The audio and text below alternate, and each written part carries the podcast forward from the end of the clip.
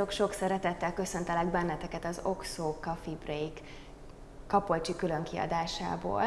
Itt vagyunk Kapolcson az InnoCamp táborban, ami az Oxo-nak egy startup vállalkozók számára szervezett tábora, és ez a tábor abban nyújt segítséget a lelkes fiatal fiataloknak, hogy az, a vállalkozásuk elindulásához kapjanak támpontokat, és ebben mentorok segítik az ő fejlődésüket. És a mentorok közül itt ül velem Balogh Gergő. Hello, Szia, sziasztok! Gergő, Sziasztok! aki az Oxo Holdingsnak technológiai tanácsadója és mentor itt a táborban. Gergő, pár szóban bemutatkoznál nekünk, hogy mióta dolgozol a céggel, illetve mi is a szereped? A Loxo csoporttal 2016 óta dolgozom, kezd, akkor kezdtem el velük együtt dolgozni. Fura párosítás, hogy lassan kezdődik a művészetek völgye, és az első közös projektünk az a művészetek völgyéhez kapcsolódott.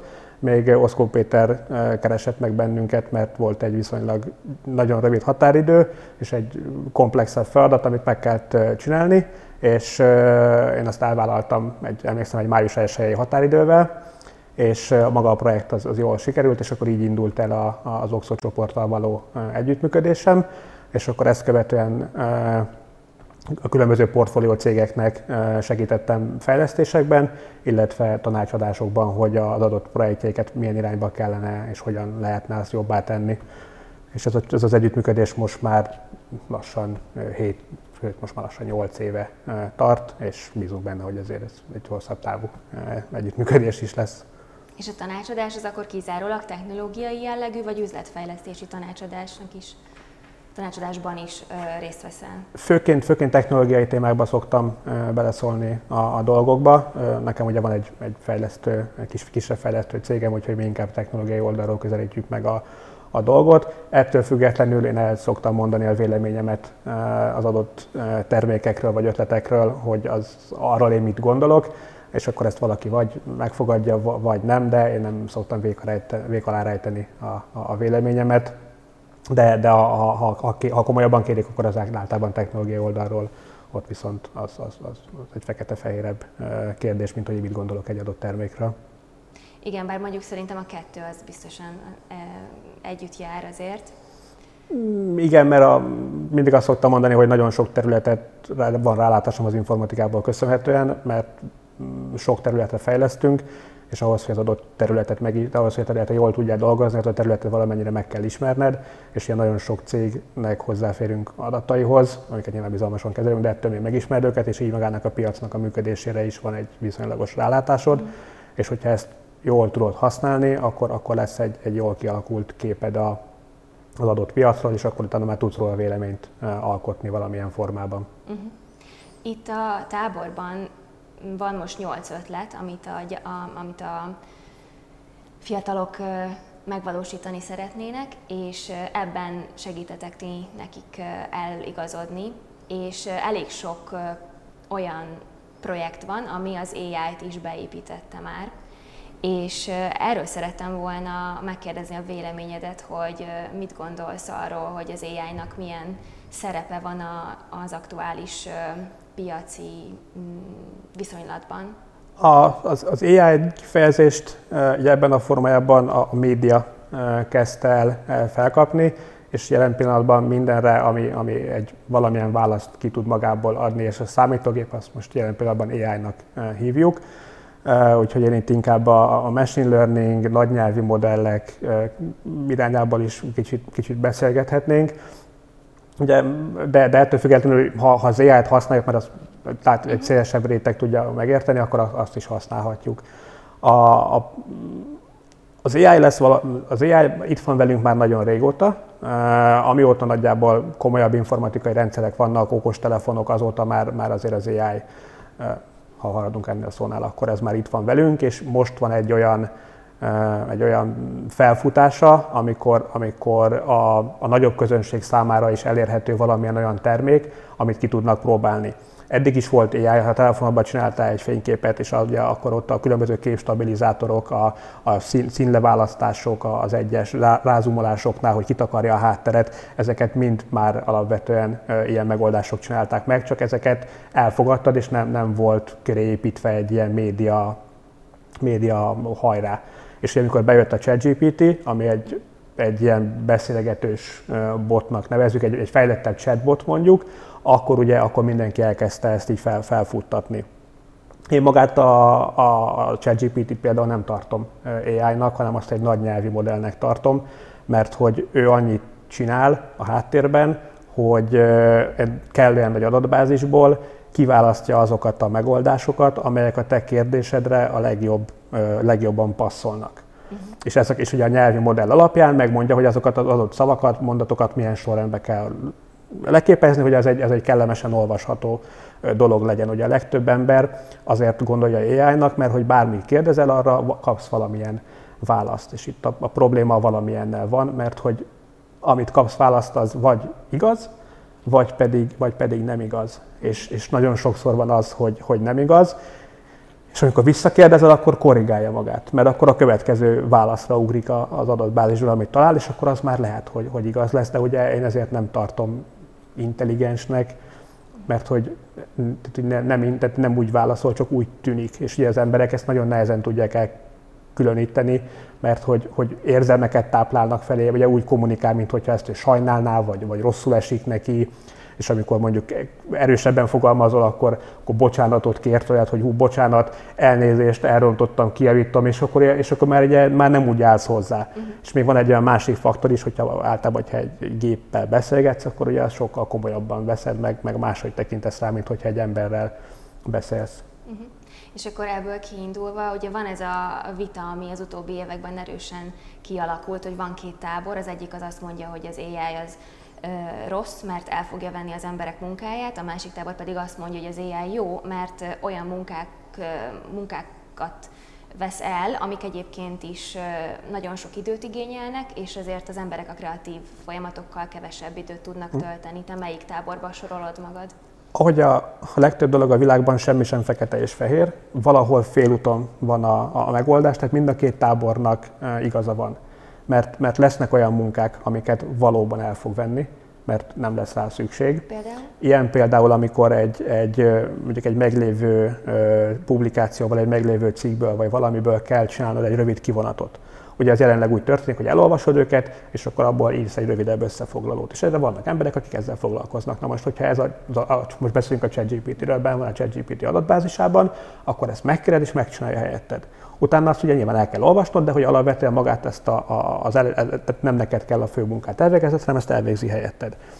A másik oldalról, ahogyan korábban mondtam, a ChatGPT meg ezeknek a modelleknek a, a pontossága az jelen pillanatban hagy némi kivetni valót maga után, ami azt jelenti, hogy ő, tőle kapsz egy választ, és az a válasz az vagy igaz, vagy nem igaz. És hogyha te mindig úgy tekintesz rá, hogy igaz, és elkezded azt használni, akkor abból, abból problémád lehet nekünk, mint fejlesztők, jelen pillanatban a ChatGPT bármilyen furán is hangzik. Egyik oldalról a, a Copilotot használjuk a fejlesztés, ez nem a ChatGPT, ez a GitLabnak egy ilyen kódolás segítő AI-os megoldása.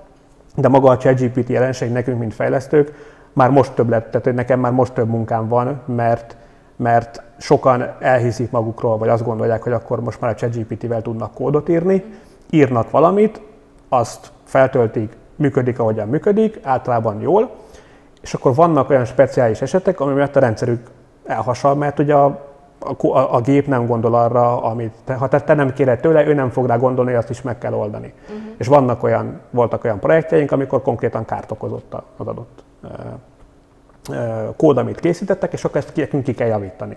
Tehát, hogy vannak ilyen megkereséseink is, és ami a, a legvisszesebb, hogy, hogy nem csak, nem csak kódokat kell kijavítanunk, hanem egyik amerikai ügyfelünk készített ChatGPT-vel egy, egy specifikációt, amit mi megbecsültünk három éves munkára, és hát egybe a telefon, hogy három év, hát nem érti, hát mi itt a probléma, hát egy egyszerű dolgot kért.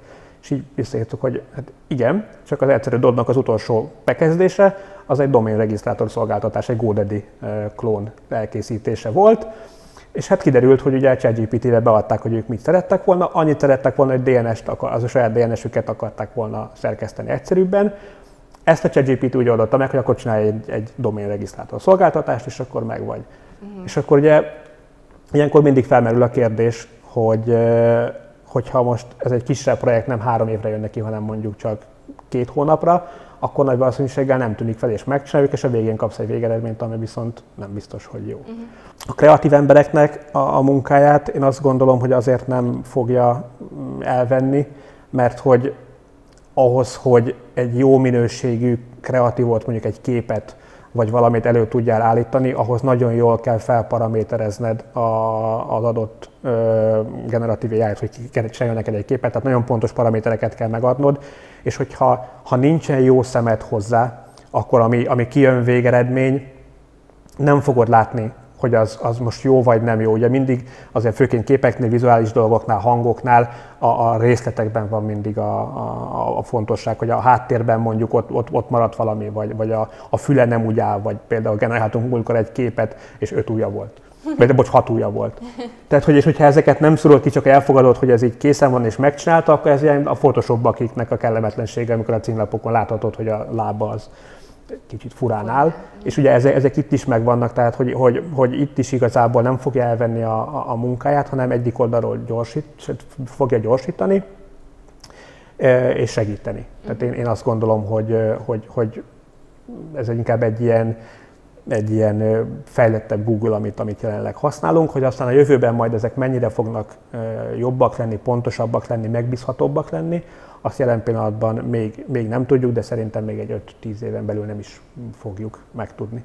Igen, ez lett volna egyébként a következő kérdésem, hogy nyilván ez most kicsit összefoglalva, hogy akkor, tehát hogyha valakinek kellő rálátása és szakmai háttere van, akkor tudja jól használni, ha viszont nem, akkor azért kellő ö, szakmai segítséggel érdemes ezekkel. Igen, tehát én, én, én azt javasolnám a, a cégeknek, aki ezzel, ezekkel szeretne foglalkozni, hogy, hogy bele lehet vágni, ki lehet próbálgatni, viszont hogyha kon- konkrétan munkára akarja használni, akkor ne úgy tekintsen rá, hogy ez kiváltja valakinek a munkáját, hanem úgy tekintsen rá, hogy ez segíti adott, az adott személynek a munkáját, mert bizonyos dolgokat gyorsabban tudsz vele megcsináltatni, de, de még, még kell a, az emberi ellenőrzés, aki, aki megnézi, hogy ténylegesen azt csinálta amit csinálnia kell, és az úgy működik, ahogyan annak működnie, működnie kell. És hogyha ezt az emberek elkezdik kivenni, már pedig sok helyen sajnos ez történik, akkor annak azért lehetnek rövid távon kellemetlen meglepetései cégeknek a működésében. Uh-huh.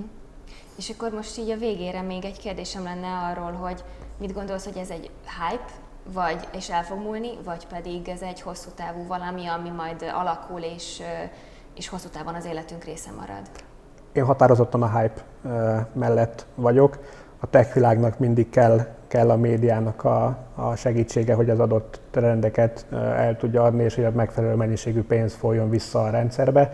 Ha visszagondolunk, akkor korábban volt, nem, régen, nem is olyan régen még mindenki kriptózott, meg NFT-zett, mindenki majd most idézőjelben tudom, ezt nem tudom mondani, de idézőben JPG-t vett egy millió dollárért, ami most 50 ezer dollárt ér, meg virtuális földeket vásároltunk, meg, meg mindent vásároltunk, mert majd ez lesz a jövő, és akkor ugye Meta is előjött, a, a Facebook hogy, hogy akkor a metaverzum lesz, és hát nevet is váltottak. Hát ez az egész ez tartott egy évig, aztán rájöttek, hogy hát ennek ez így elfogyott, és most a meta mit ad Isten, most AI-t fejleszt, ugye Lama néven jön ki az ő open source megoldásuk, és ha, vissza, ha, még, ha még visszámegyünk, akkor ugye volt az elektromos autózás, meg az önvezető autózás, a fintech, tehát hogy mindig vannak ezek a big data, a cloud, tehát hogy mindig vannak ezek a hype-ok, ami, amikkel felbozdulva meg, megindul valamilyen irányba a piac, és akkor ezek, a, a, a legtöbbük az ugye megy a, a, a kukába sajnos, de lesznek olyan meghatározók, amiket pedig hosszú távon fogunk használni, de, de a hype az, az jelen pillanatban